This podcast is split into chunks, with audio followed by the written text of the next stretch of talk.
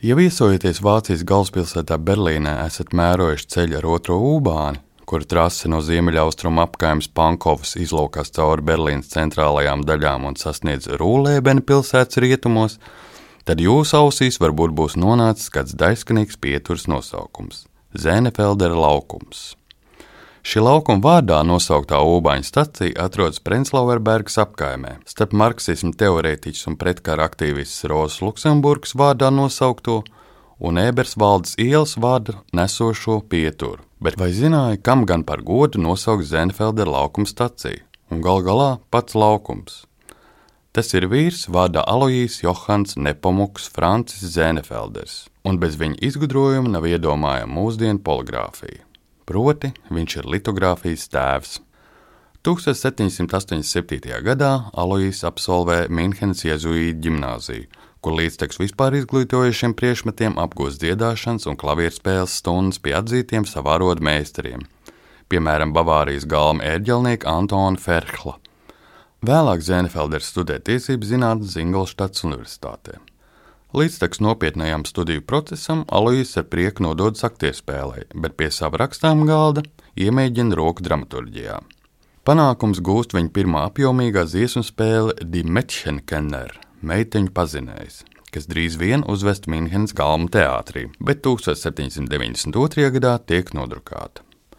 Labu izglītību guvušais jaunais dramaturgs nolemj nevien radošos, bet arī praktiskos, ar izdevēju darbību saistītos rūpestu grožus ņemt savās rokās. Kā savās atmiņās apgalvojis pats Zēnefelders, reiz dodoties pastaigā lietainā rudens dienā, viņš ievērojis, kā no koka kritus lapa uz slapja kaļķakmens virsmas atstāja nospiedumu. Cita leģenda vēsta, ka Zēnfelders sēdējis kabinetā pie svaigi pulēts kaļķakmens plāksnes, pie viņa ienākus māte un lūgusi sagatavot feļas sarakstu. Papīrs un spāle Zēnefelderam par rokai nav bijusi, tamdēļ sarakstu viņš uzšņāps ar pašgatavotu eļļainu tušu uz akmens virsmas. Tušu nomazgājot, viņš iepazīstināts vēlāk litogrāfijā būtiskās tehnikas īpašības. Zēnefelders teica, Viens īpaši slikti iespiests nošu fragments no vecas baznīcas dziesmu grāmatas man ir aizsīja domas, ka izmantojot jauno iespiedu tehniku, to varētu atveidot daudz skaistāk nekā ar vecajiem svina burtiem. Zēnefelders tūdeļ ķērās pie jaunā drukas paņēmiena attīstīšanas. Tehnikas pamatā ir ūdens un eļļas nesavienojamības princips.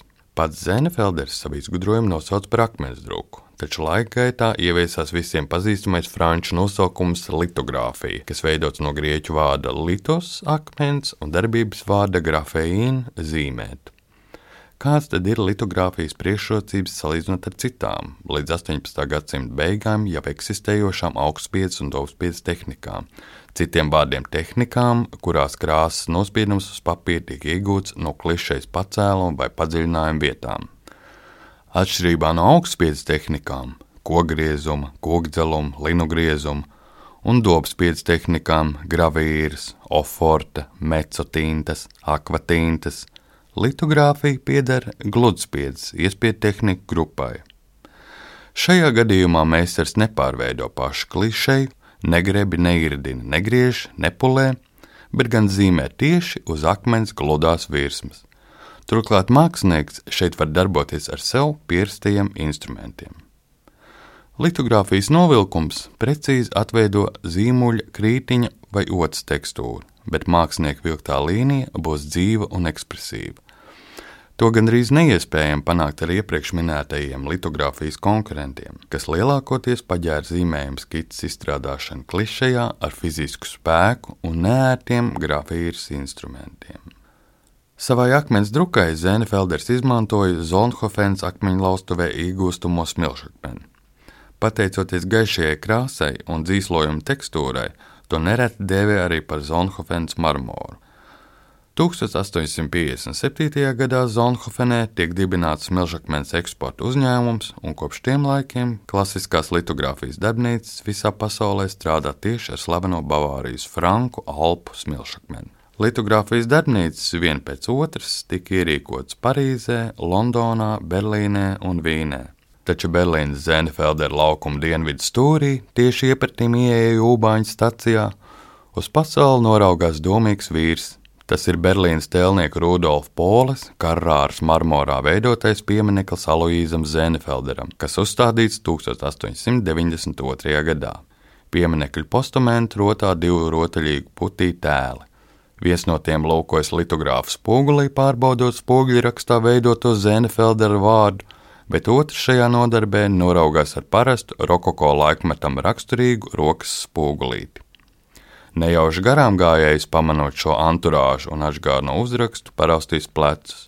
Skat, kāda lielpilsētas tēlnieka aušība, taču patiesībā tas ir sirsnīgs sveiciens un cieņas izrādīšana modernās iespiedrukas pamatlicējam.